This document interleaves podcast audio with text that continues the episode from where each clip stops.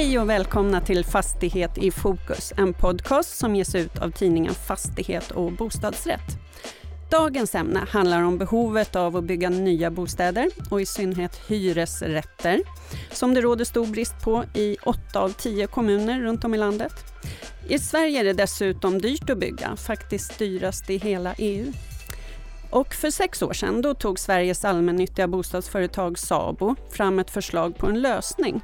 Kunde man få entreprenörbranschen att bygga så kallade typhus till 25% lägre pris? Och tänk, det kunde man. De här nyckelfärdiga husen går under namnet Sabos kombohus och det är de husens för och nackdelar som vi ska prata om här idag.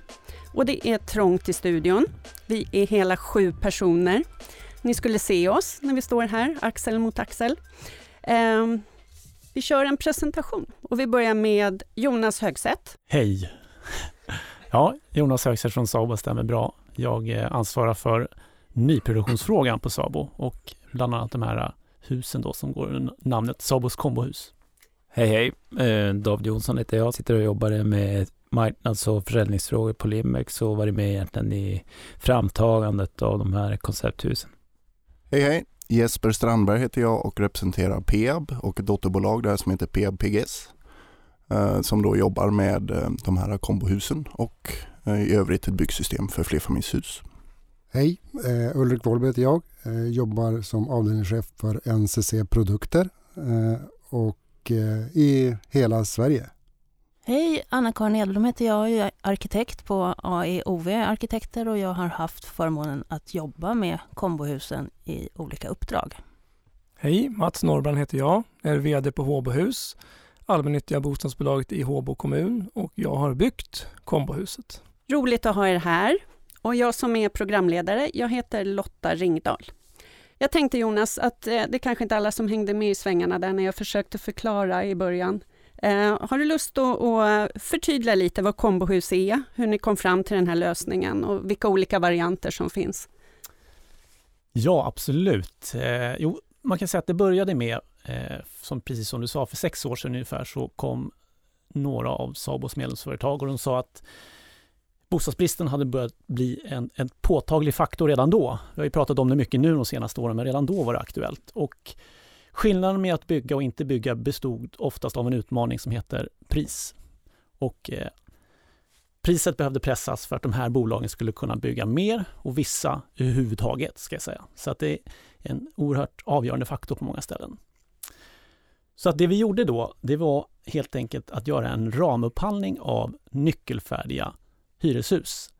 Eh, nyc- alltså ramupphandla eh, bostäder har gjorts förut. Det som var annorlunda denna gång att vi vände på processen.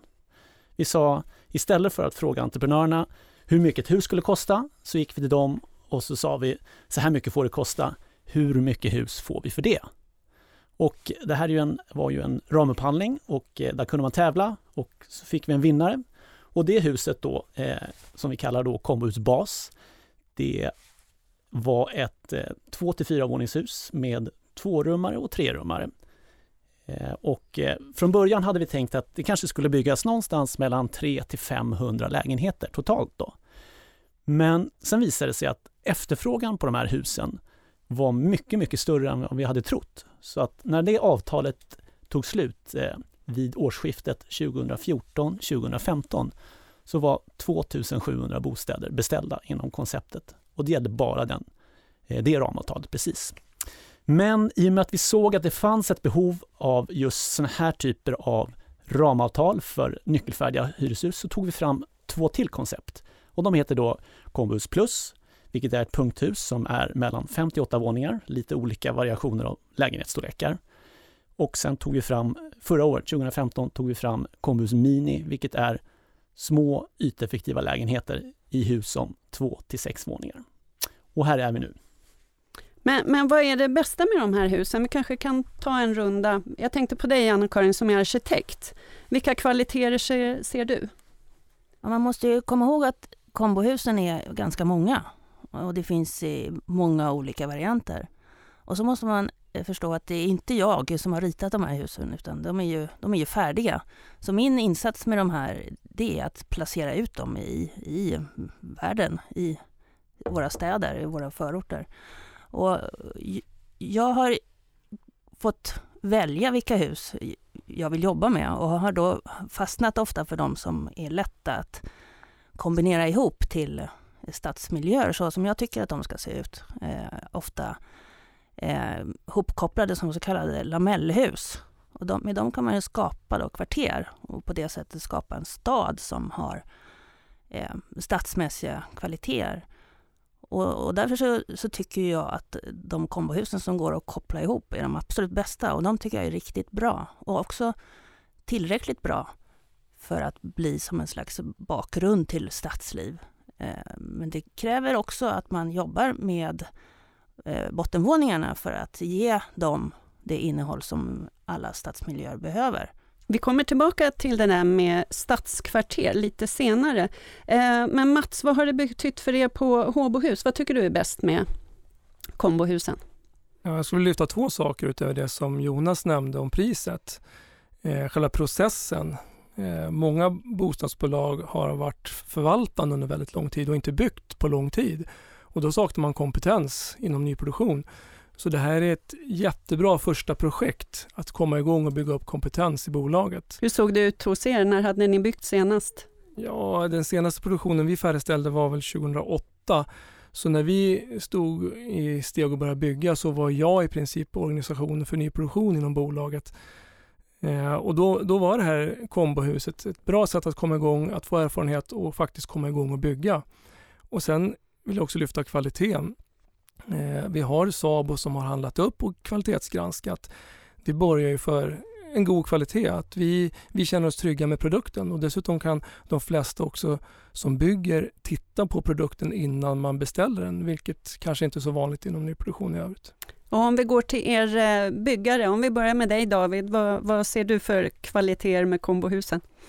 Nej, men precis som Mats säger här egentligen, de här processerna i, i vanliga fall kanske man tar fram ett förfrågningsunderlag egentligen som kostar en halv miljon för att ens egentligen kunna gå ut och fråga på någonting egentligen. Och här har vi fram ett koncept så vi kommer igång direkt och börjar föra en dialog med, med våra kunder hur vi ska kunna gå vidare och skapa egentligen de här bitarna. Och för, för oss som entreprenörer så har det varit enormt bra att man då egentligen, man har, man har tagit fram ett underlag, man har haft starka egentligen kravställningar, men man har satt ramar egentligen, så att vi egentligen med våra system har kunnat utveckla produkten och egentligen skapa förutsättningar för arkitektur, kvalitet och pris förstås. Och eh, Jesper, på Peab, vad, vad tycker ni? Ja, men det, jag får väl fylla i där just kring tjata om processen men där har Jonas och eh, Sabo gjort ett stort jobb i just hur, hur de guidar de här eh, mer eller mindre orutinerade företagen för vi väcker ju upp på många orter där man inte har byggt på 20-25 år och Mats eh, tillhör ändå där det har byggts en del och lite lättare att starta upp men på vissa ställen vet man ju knappt vad, vad planprocess och så vidare är och då är det en väldig stöttning i det. Och du Ulrik, NCC, har du dykt på något annat som är? Nej, jag håller med både David och Jesper här att det, det förenklar processen och det är jätteviktigt. Sen har vi ju blivit kvalitetssäkrade också i och med att jag Sabo centralt har upphandlat det här. Så att det borde vara en, en enklare resa. Ni som byggare, om någon kommer och säger att nu vill vi att ni ska bygga det här till 25 eh, procent lägre pris än vad ni har kunnat ta ut tidigare. Ni kan ju inte ha jubla och klappa händerna, eller hur? Nej, men det är klart att det är en, en utmaning att, eh, så att säga, lova ett lägre pris. Men det är också viktigt för att vi ska få igång ett byggande i Sverige. Och Jesper, Peab?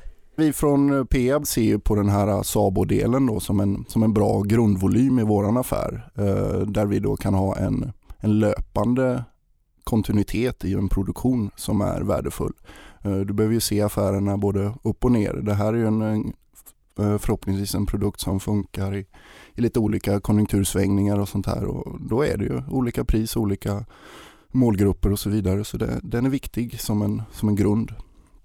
Jag vet att du David sa till mig på, på Lindbäcks att ni, ni tyckte inte det här var så himla konstigt med att pressa priser och att det var ett tänk som ni redan hade hos er. Nej, men det tror jag egentligen hela branschen jobbar egentligen med de här frågorna. Alltså vi, vi är ju som du sa egentligen, vi har ett högt kostnadsläge så vi måste jobba med, med kostnader hela tiden.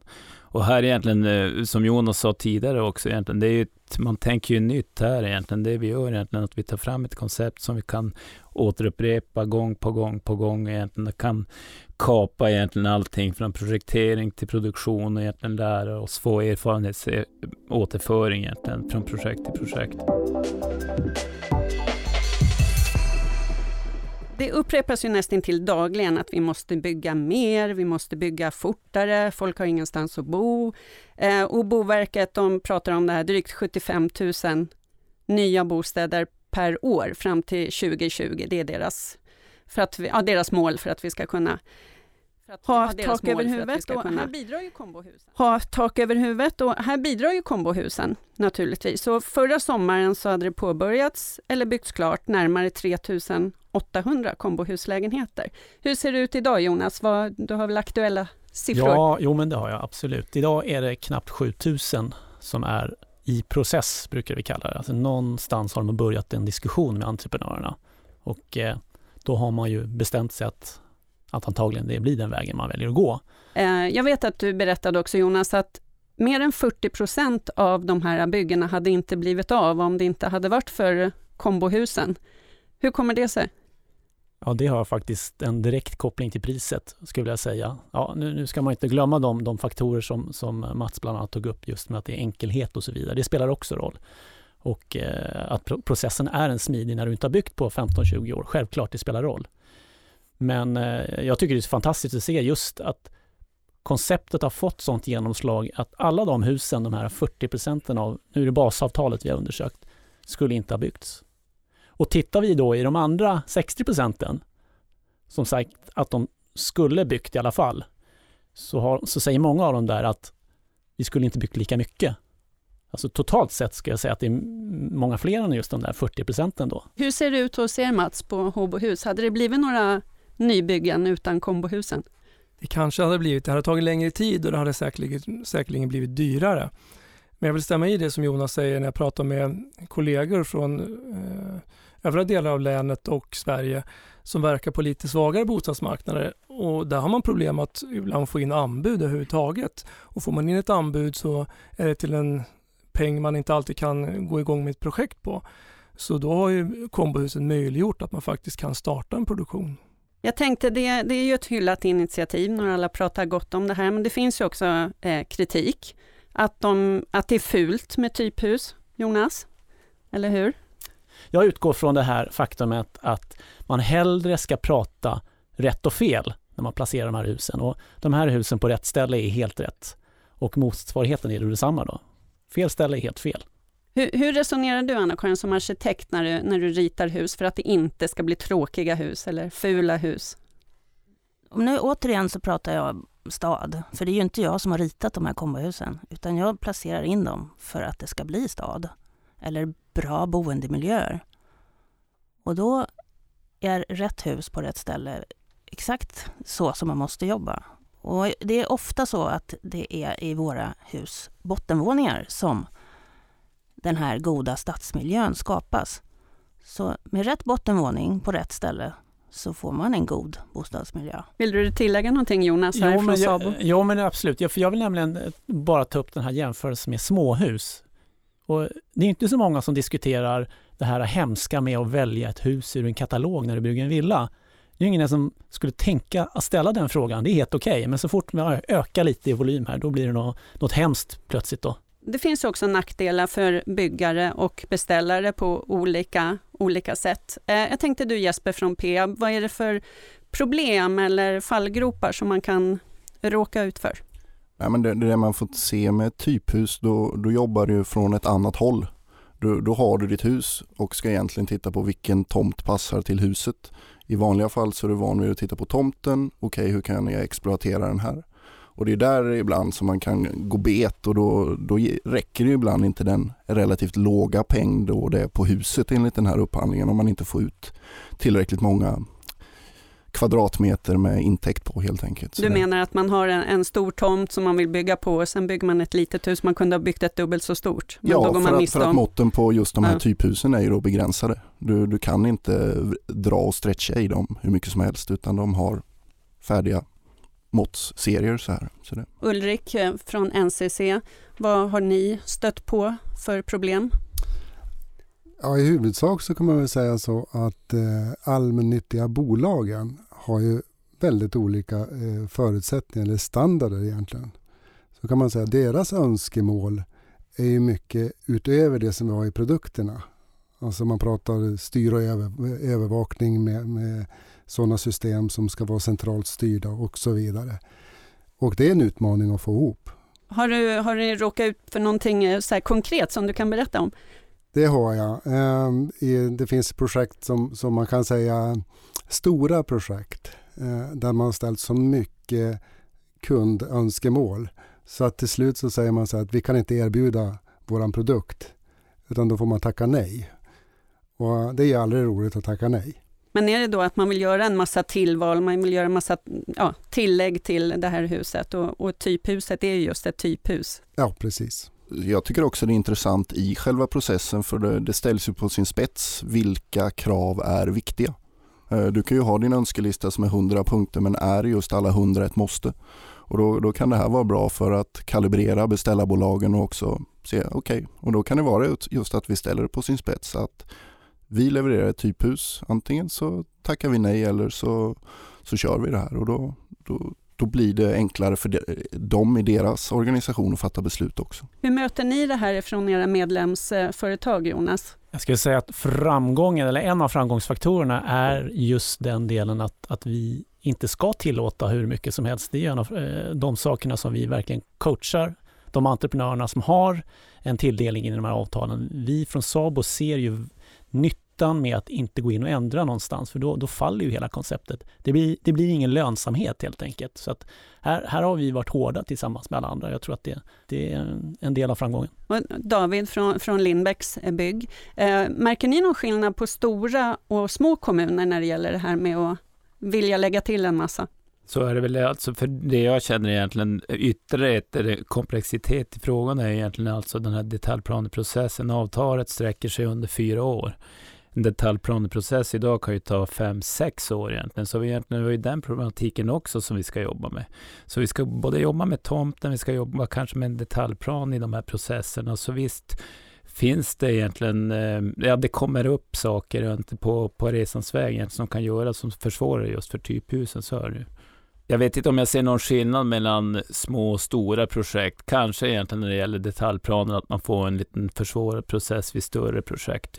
Ja ja. Vi på Håbohus vi har ju byggt kombohuset och vi måste ju som beställare förstå att möjligheterna till eh, anpassningar är begränsat i en typproduktion. Det är just att man inte har så stora möjligheter att eh, förändra som är styrkan i konceptet.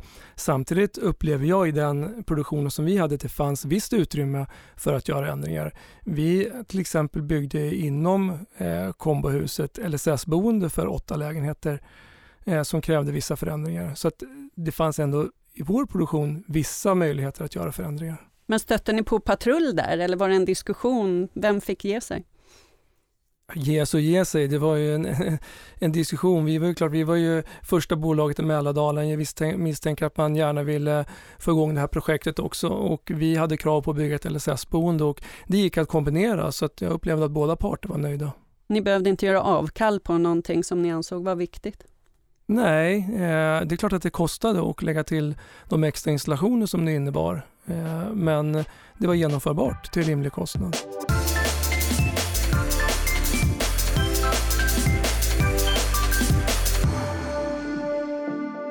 Vi pratade ju tidigare om det här med med stadskvarter.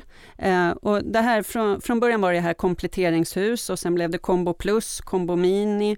Men Anna-Karin, ni fick ju uppdrag på ditt eh, arkitektkontor att se hur det här skulle kunna fungera som hela stadskvarter. Eh, vad, vad kom ni fram till? Ja, då fick vi ju börja med att titta på hela utbudet av kombohus eftersom det finns så många olika modeller av det. Och eh, när vi börjar prata om kvarter, slutna kvarter eller delvis slutna kvarter, då måste man jobba med eh, eh ganska eh, precisa former. Och, och, ofta hamnar man då i de här lamellhusen som är möjliga att koppla då till längder, eh, som ett tåg liksom. Och, och då gjorde vi en, en undersökning som var helt akademisk kan man säga, som att man bygger en, en stad på, på Mars eller någonting. Och då kopplade vi ihop de här eh, lamellhusen på olika sätt så att vi fick eh, kvarter av en bra storlek och eh, gaturum av bra storlekar emellan. Och såg att det där gick ju alldeles utmärkt om man tänker så att man lyfter upp kombohusen en våning och har en annan struktur under. I den. Och i den får man då fylla i med det som kombohuset inte klarar av att svara på, som är Eh, de butikslokaler och de parkeringshus och, och sånt som, som alla städer också behöver. Eh, och vi tyckte att det där eh, var en väldigt rolig övning som vi sen prövade på ett fiktivt, verkligt läge som, som vi valde då Lidingö centrum och gjorde även ett kombokvarter som vi kallade det ute, där ute också. Vad, vad, tycker ni andra om det här med, med stadskvarter av kombohus? Är det en vettig lösning?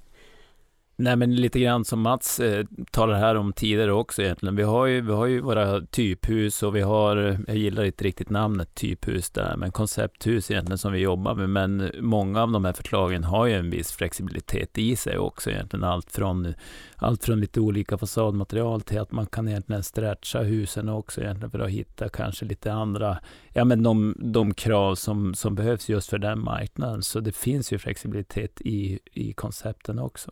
Men skulle det bli krångligt det här som Anna-Karin sa, att man har först, man gör grunden, men sen att man har basen på huset, att det görs för sig och sen kommer kombohusen på. Vad säger du Jesper?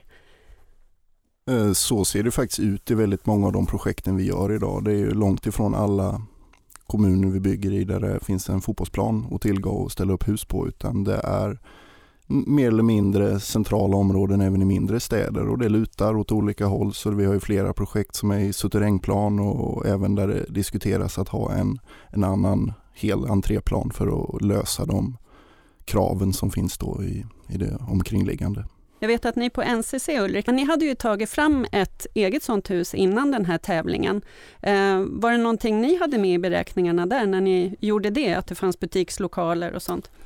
Nej, vi har inte fokuserat på det utan vi, vi bygger yteffektiva lägenheter. Man ska kunna bo på färre kvadratmeter. Sen, eh, jag förstår mycket väl just det här med, med stadskaraktär och så vidare. För att, men eh, NCC Folkboende som, som är våran tävlingsprodukt då i, i Sabo, det är ett punkthus 4 till 8 våningar. Eller 5 till 8 våningar inom Sabo-världen. Eh, men sen när vi pratar stadskaraktär så, så, så jag förstår mycket väl att det, det, är viktigt att vi kan även ha produkter där. Så att, ehm, men kombinationen mellan, mellan butiker och, och, och, lägenheter, de är ju inte så lätt att få ihop ekonomiskt för en allmännytta. Så det är otroligt viktigt att man gör rätt i processen. Vi och jag tror många Sabobolag har sett kombohusen, om jag pratar det här kombohusbas, och det lanserades också eh, som kompletteringsbyggnader i befintligt bestånd. Eh, men kommer man in på att bygga i stad, då öppnas det upp helt andra möjligheter. Så det är verkligen intressant om man kan ta det steget. Skulle ni vara intresserade? Ja, verkligen. Vi vill alltid bygga till bra pris och bra kvalitet. Och Jesper, Peab. Men jag tycker ändå vi kan eh, säga att de husen som vi har tagit fram nu i de tre tävlingar som Jonas har haft här i Sabo så är inget tänkt som ett stadshus. Eh, det är ju, kravspecen på dem är ju mera hus i park. Så att placera det i stad blir ju ofta ett, för att citera Jonas, ett fel projekt i fel läge. Det är ju så. Eh, sen kan det gå att skruva på dem men som de är idag så är inget inget av de husen gjorda för att vara i stad. Nej, det är klart att det är, så är det ju. Alltså grundinställningen att de ska passa på många ställen. Sen är, är ju lite som utmaningen här för att hitta bostadsbristen och koppla in den här, så, så är det så att de största volymerna kommer ju ändå byggas i sammanhängande kvarterstrukturer. Så att produkten, att komma dit, om det är nästa eller nästnästa steg, den är oerhört intressant, men betydligt mer komplex. För då är man ju inne och, och, och ja, man är inne och, och på områden som eh, styrs av en, kanske en, en hårdare reglering från, från stadsarkitekterna. Oavsett om vi, om vi nu ska bygga hela stadskvarter eller punkthus eller minilägenheter, så, så pratar man ju om att eh, kapaciteten i byggbranschen, den räcker inte till. Eh, nu vet jag att ni på, på Lindbäcks bygg, ni satsar, ni bygger en ny fabrik. Vad hoppas ni att uppnå? Nej, men vi har väl egentligen sett de här ramavtalen. Vi har, jag tror vi har jobbat egentligen med ramavtalen här från 2006. Eh, egentligen haft eh, nöjet egentligen att få skriva fyra ramavtal och byggt över närmare tusen lägenheter här under en lång period egentligen och upplevt både egentligen, nu har vi en, nu har vi en högkonjunktur men även egentligen när det var en, en, en lägre konjunktur och man ser att det fortfarande byggs mycket med hjälp av egentligen Saab-avtalet här. Alltså, med det som grund och egentligen den underliggande förfrågan på ja, bostäder som vi alla vet har vi egentligen valt att ta steget nu och satsa och börja bygga ytterligare en fabrik. Och vad kommer det resultera i för er eller för bygg, bygg, bostadsbyggandet i stort? Ja, alltså ja, vi, vi satsar ju förstås egentligen på, i och med att vi bygger en ny fabrik så kommer vi öka omsättningen och kunna, kunna bygga mer förstås. Egentligen. Nu kommer det här att ske etappvis egentligen från 2018 och framåt. Hur stor eh, ökning pratar vi om? Ja, vi bygger väl kanske 900 lägenheter idag, men vi vill ju bygga dubbelt så mycket i den nya fabriken. Men vi vill även ha kvar den gamla om man säger så. Och Peab och NCC, vad, vad ser ni för möjligheter att öka kapaciteten? Ja, vi på NCC vi bygger ju idag med lokala resurser och en del i, i att utveckla det här det är ju att vi ska kunna hitta utländsk arbetskraft också att bygga olika geografier och få upp volymerna på olika geografier är jätteviktigt. Eh, så att vi kan möta eh, önskemål. Vad betyder det? Ja, alltså, utifrån eh, eh, vår bostadsproduktion så, så jobbar vi med, med, lokala resurser. Och kan vi då bygga upp en, en, organisation som bygger mer bostäder i en viss geografi så att vi får igång det närproducerade bostadsproduktionen så är det jätteviktigt. Men, men är det taskigt att skylla på, på byggbranschen att ni inte har tillräckligt med kapacitet? Och, vad säger du Jesper på Peab? Uh, ja, det är klart det finns väl en, en, brist i kapacitet om vi ska som bransch jobba som vi gör idag. Uh, men det går ju att vrida om och jobba mindre resur eller mer resurssnålt uh, så att du får ut mycket mer av, av det som finns. men det är ju det tar ju lite tid också men det, lite grann i ett sånt paradigmskifte så hjälper Jonas och de till i processen här också i att ställa om. Så numären räcker väl till i Sverige för att öka kapaciteten eh, avsevärt. Men eh, Vad menar du då? Ja, men vi, du, har ju, du får inte ut speciellt mycket av varje medarbetare. Du har inte världens bästa produktivitet i byggbranschen. Eh, den ligger väl på i snitt minus 0,5 procent tror jag. Så det, det går ju att förbättra. Och så länge det går att förbättra så är det egentligen fel att prata om kapacitetsbrist. Jobbar de för dåligt, byggarna? Eller vad är, vad Nej, är grejen? det är inte det att det inte skapats tillräckligt mycket värme utan det är att vi inte gör rätt saker. Produktivitet har att göra med vad du bygger också, det ska man inte glömma bort här. Och, och svenska byggbranschen generellt sett är ju världsmästare på att bygga prototyper. Det är ju någonting de gör fantastiskt bra. Men det är ju inte speciellt produktivt. Får vi ändå säga att den här tårtbiten som vi har gett oss in på nu med, med ja, processstyrda byggnationer så är det väl ett sätt att bryta det här negativa, eller snarare resurslöseriet om, om vi får kalla det det, även fast det blir många trevliga hus. Men jag tänkte också Jonas, jag håller kvar vid dig här för att du eh, eh, vi pratade om, eh, lite om det här med konkurrens, att det ibland, som du nämnde Mats, att det, man kan lägga ut och man får inga anbud. Och jag vet att ni på Sabo, ni har en, ett nytt projekt på gång med utländsk utländska företag, entreprenörer? Ja, och det handlar egentligen om att omställningen till ett mer resurseffektivt byggande, det tar för lång tid med tanke på de behov vi har idag. Du pratade förut om de här 75 000 bostäderna som ska byggas. Eh, 2015 färdigställde vi lite drygt 35 000, så att dubbla upp det bara sådär på, på, på en kvart, det gör man inte hur som helst. Utan vårat sätt att lösa det på, eller snarare ett sätt att lösa det här på, förutom de här ramavtalen, det är att hitta nya entreprenörer in. Och det finns inte så många andra ställen att leta än i våra grannländer, ska jag säga. Där borde det finnas bolag som också har en kapacitet för att bygga liknande hus, de här typhusen eller koncepthusen som, som David heller pratar om. Eh, det tror vi absolut kan snabba på processen att bygga fler bostäder just nu. Kan det också bli billigare? Jag skulle vilja säga, klarar de av att hålla den nivå som herrarna här runt bordet klarar av att leverera till så räcker det fullt gott så länge det är samma kvalitet eller ännu bättre. Va, vad säger ni i, i byggbranschen om det här att man går förbi er och ut i, ut i världen och letar? Nej men det är väl fullt förklarligt om vi nu ser att vi ska försöka komma ikapp lite av den bostadsbrist vi har släpat med under decennier så, så behöver ju dra i flera trådar. Det är inget konstigt i det. Nej, jag håller med eh, Jesper där och det som vi tycker också egentligen, vi har ju en outnyttjad kapacitet också egentligen. Vi har ju väldigt få kvinnor som jobbar i branschen. Så där tror jag också egentligen vi skulle kunna bli bättre och för att kunna få in mer resurser på den, den vägen. Och öka produktiviteten då? Ja, det, det tror vi egentligen. Vi, vi har som målsättning egentligen till vår nya fabrik egentligen att vi ska anställa 50 procent tjejer till den. Så det blir spännande att se. Om man nu ska få in lite mer utländsk, uh, utländska entreprenörer uh, så handlar det också om hur kommunerna ställer upp med att frigöra detaljplaner och stora projekt. För det är, det är en utmaning att vi bygger mindre och mindre projekt. Alltså projektens storlek eh, blir mindre. Och eh, ska vara in utländska aktörer så vill ju de ha stora projekt.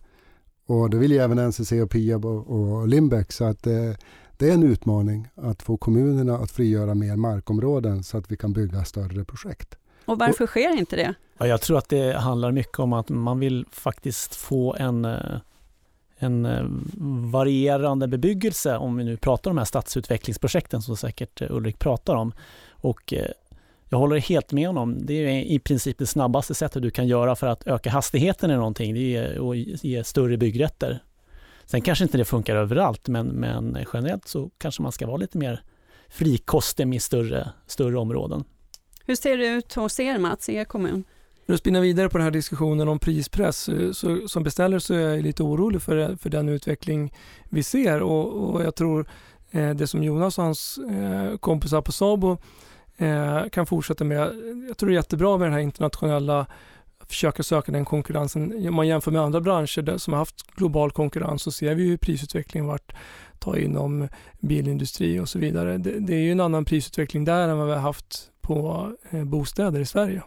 Jag tänkte bara ska hoppa tillbaka till eh, Ulrik igen och hans eh, lite större områden. Och vi pratar inte bara eh, effektivt för, för entreprenörerna. Jag tänker också resurseffektivitet just när det gäller eh, de som bygger. Jag menar, du måste ha en projektledare per projekt oavsett storlek i princip, då, lite eh, lätt överskådligt. Så är det så. Det är inte bara byggentreprenörerna som behöver någon, någon, som leder det bygget, det vill säga en platschef. Du behöver utifrån företaget då ha en projektledare.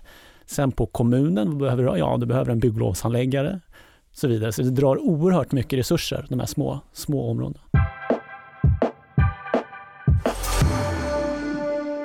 Hur ska vi uppnå det här med, med alla de här nya bostäderna? Så här, vem, vem, vad krävs av kommunerna? Vad krävs av byggarna? Politiker? Vem ska sätta press på vem för att vi ska öka upp det? Vill du svara Jonas? Jag ser att du skrattar. Ja, men det, det finns ju ingen sån här en slutsten här, utan det här är nog ett samarbete generellt sett. Det är alltid samarbeten om man vill åstadkomma någonting. Men det vi gör här med de här eh, koncepthusen eller typhusen, det är ett sätt att jobba på. Men eh, generellt sett så tror jag att man behöver snabba på processerna eh, vad avser detaljplaner och så vidare. Det finns ju kommuner i Sverige som är jätteduktiga på det. Typexempel är Örebro eller Uppsala och nu vet inte jag exakt när jobbar, hur Håbo är, men de kanske också är superbra. Men de som vill, de kan. Finns det några andra önskemål? Vad, vad tror du David från Lindbäcks? Har du någon önskan Ja, men jag tänkte lite grann, vi hoppar tillbaka till, till större områden alltså. Det kan ju till viss del vara bra, men jag tror också egentligen för att öka konkurrensen och släppa in mer med stora små företag och få ut de här markplättarna blir för stora heller egentligen, för då blir det en finansieringsfråga egentligen. Och i och med att vi har så pass långa processer här också så måste vi vara stark finansiellt för att egentligen kunna gå in i de här bitarna. Så, så det gäller att ha en lämplig avvägning där tror jag också egentligen för att öka konkurrensen. Är det stor skillnad, Anna-Karin, som arkitekt om man tänker på, på eh, mindre områden eller större områden? Ja, absolut. Eh, jag tror att det finns från, från kommunernas sida en väldigt stark önskan om variation. Och ett stort område, eh, exploatering av ett stort område, det försiggår av en noggranna studier där man försöker styra eh, mot komplexitet. Och eh, det är klart att vi inte vill ha eh, fyra, fem kvarter som ser likadana ut, utan vi vill ju att det ska vara komplext. Det är ju liksom ett av kriterierna för stad, att det är komplexa miljöer. Så inga miljonprogram i den bemärkelsen? Nej, det vill vi inte göra om. Utan det måste vara rätt hus på rätt ställe igen. Vad säger ni, Peab och NCC, har ni någon önskan? Vad, vad, om ni fick önska fritt eller ge råd? Eller? Ja, vi på NCC tycker ju att man ska ha en, en bättre framförhållning till oss. Alltså när, vi, när vi sitter och jobbar med projekten så vill vi ju veta, vi vill ju kunna planera in liksom, det här kommer i den här geografin. Vi kan, vi kan liksom jobba tidigare med projekten eh, för att möta kundens önskemål. Eh, då har vi möjlighet att, att också producera. Eh, får vi korta ledtider då är det mycket svårare. Är det mycket korta ledtider idag? Ja, inom Sabo nu och det ramavtalen vi jobbar så, så tycker jag att det är förhållandevis bra. Men vi har ju inom folkboende så jobbar vi med 50 privata kunder och de är ju snabba och agerar väldigt snabbt. Eh, så att det är tillgång och efterfrågan här som vi jobbar med. Jesper, vad har ni på önskelistan på Peab? Jag vet inte riktigt på önskelistan men, men eh, om vi pratar stora och små projekt så är de eh, helt olika till karaktären. Jag kan tycka att det, du kan driva en, om Jonas säger det behövs en projektledare men ett, ett litet eh, projekt, projekt, om vi tittar på de här kombohusen så kan du med en projektledare kanske driva fyra, fem parallella projekt och de går mycket, mycket snabbare. Det är färre intressenter på, på små projekt än på stora projekt. Så du, du som bolag kan det vara vettigt att ha en mix en mix av både stort och smått och sånt med, med snabba ledtider och lite längre och så vidare. Så det... Inte alla ägg i samma korg alltså. Eh, vi går vidare till Mats. Du har någonting att tillägga här? Ja, jag vill eh, prata lite om det som Ulrik eh, nämnde om eh, framförhållning. Det är klart att vi som beställare vill ha, ha god framförhållning. Sen är ju min erfarenhet att vi i planprocessen, att det tar, lång, det tar väldigt lång tid och att det blir väldigt bråttom eftersom det är brist på färdiga detaljplaner och då blir det bråttom, bråttom, bråttom i varje projekt. Det vill vi komma bort från för att kunna ha framförhållning. Hur ska ni göra för att nå dit? Ja, allt måste igenom planprocessen för att man ska kunna bygga. Eh, så att vi måste väl bli bättre att i dialog med kommunen få fart på, få klart detaljplaner. David? Nej, eh, jag håller med där. Alltså detaljplanerna är ju en lång process, men eh, jag upplever ju att man i, vet det, i den här processen skulle man kunna göra mycket också egentligen, för där har vi ju tiden alltså. Vi skulle ju kunna planera, alltså visst, vi riskerar ju lite mer, alltså vi, vi, vi lägger ut mycket pengar under den perioden, men samtidigt har vi enormt mycket vunnet ifall att vi har nästan allting färdigt när detaljplanen precis klubbas. Så där tror jag att vi har mycket att vinna. När vi pratar om eh, detaljplaner, jag vet att det finns en, det här med att bygga och eh, de som bor grannar har rätt att överklaga och det kan överklagas till instans efter instans. Finns det någonting att göra där? Jag vet att ni har synpunkter både här och där på detta ämne. Vill du börja Jonas? Ja, det, självklart så vill man ju inte att det ska överklagas eh, okynnesmässigt, så ska jag säga. Det finns det är ingen värde med. Självklart så krävs det ju på något sätt att för att tillse att den demokratiska processen ändå är vettig och bra, då måste man få, få överklaga. Sen är bara frågan, vem ska få överklaga? Det, det kan man ju diskutera då. Vem är, har, har rätt att ställa krav på en byggnation? Hur nära måste du bo eller hur nära måste du jobba? Men det är inte så, jag vet inte vem av er det var som sa att det tar fem till sex år i Stockholm för att få igenom. Stämmer det? Ja, jag skulle tro att eh, kanske den tiden stämmer nog ganska bra. Ja, någonstans där ligger det. Men skulle man kunna göra på något annat sätt vad det gäller den här överklagande processen? Vi på Håborgs tycker väl att det vore väl bra om man kunde ha eh, snabba prövningar.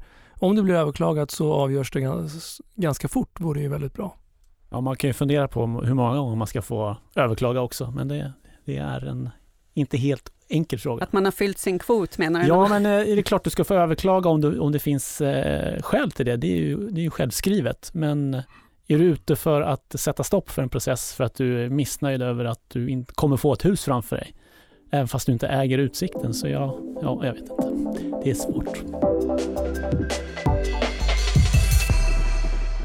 Eh, jag vet du Ulrik, du hade ett eh, tips eh, till kommuner i landet att om man är närliggande kommuner att man faktiskt kan samarbeta.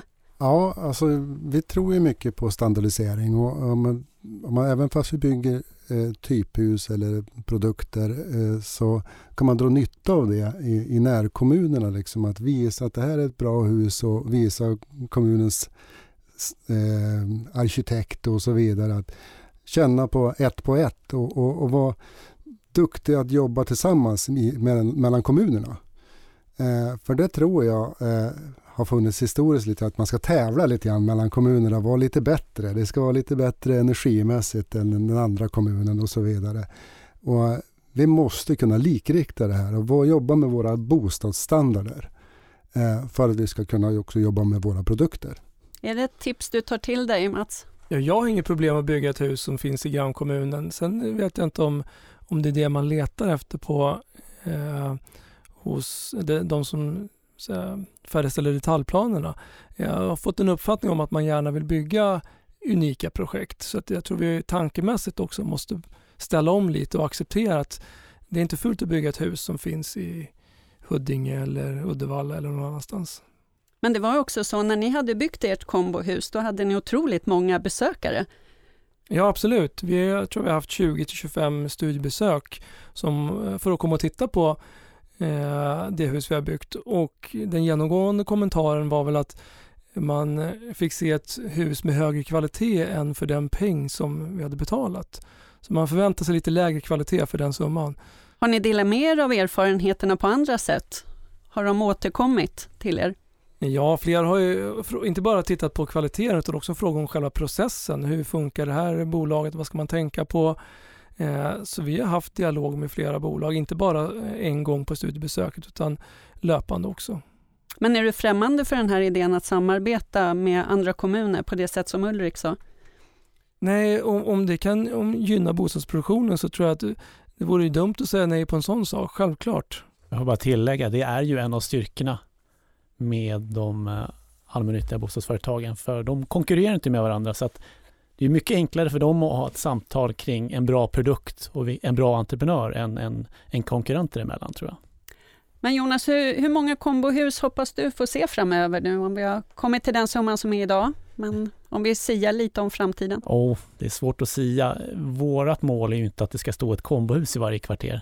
Det är viktigt att komma ihåg, utan vårt mål är ju att det byggs fler bostäder och att den generella prisbilden påverkas neråt så att det, vi närmar oss de nivåer som vi ser i kombohuset. Då kommer det byggas betydligt fler. Så att eh, det, mm, det är väl det som är det viktiga här. Vi har kommit till slutet på vårt samtal här idag. Det var trångt och härligt. Eh, är det någonting som vi, har ni några slutord att skicka med ut till de som lyssnar? Ska vi börja med dig David? Nej, men vi har ju pratat mycket om långa processer här och jag vet inte, det går väl inte att göra någonting åt det, men vi ser ju egentligen vid den här ramavtalsperioden som vi har sträcker sig under fyra år. Och det är ju mycket projekt som, som kommer igång i slutet av de här vet det, avtalsperioderna, så jag vet inte om det finns någon möjlighet egentligen att kunna stretcha den tiden. Eh, sen eh, så låter det ju enormt spännande. Alltså vi, vi tror ju egentligen på de här typerna av koncepten. Jag hoppas att Saab egentligen jobbar vidare med den här kvarterstrukturen som vi pratar om låter ju jättespännande. Peab, Jesper? Det jag ser framåt här så är det ju att ta med sig lite grann från kombo, kombohusen är ju själva upphandlingsförfarandet där man låser vissa parametrar.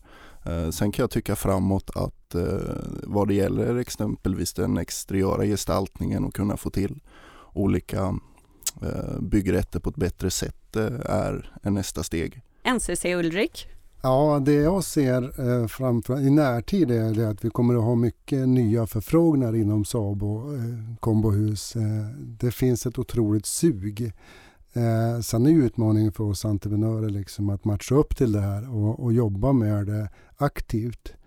Eh, sen har vi pratat mycket stadskaraktär idag och det tar NCC till sig mycket att kunna jobba i de miljöerna och kunna erbjuda produkter där också.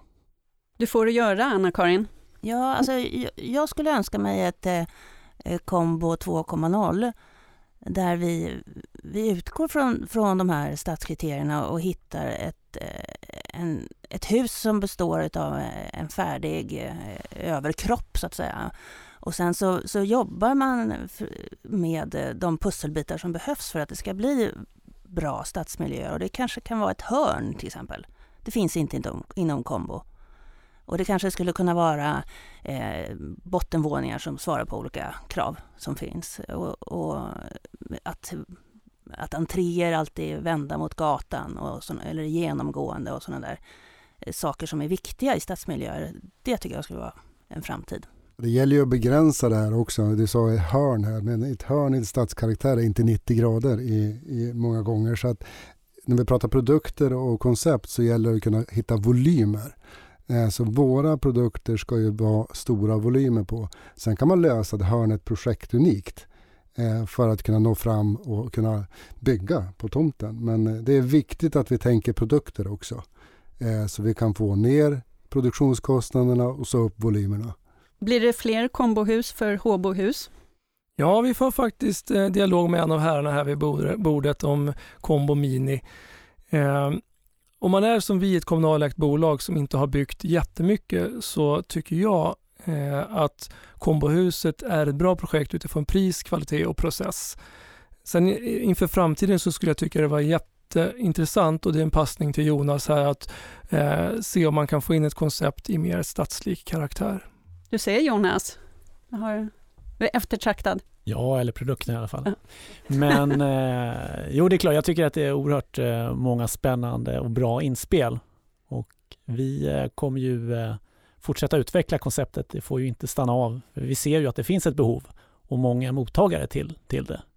Och det som är speciellt eh, glädjande känns ju ändå att de entreprenörer som ändå är inkopplade i det här eh, konceptet tycker att det här är ett bra sätt att jobba på generellt sett. Så det är väldigt positivt. Det tycker vi är kul.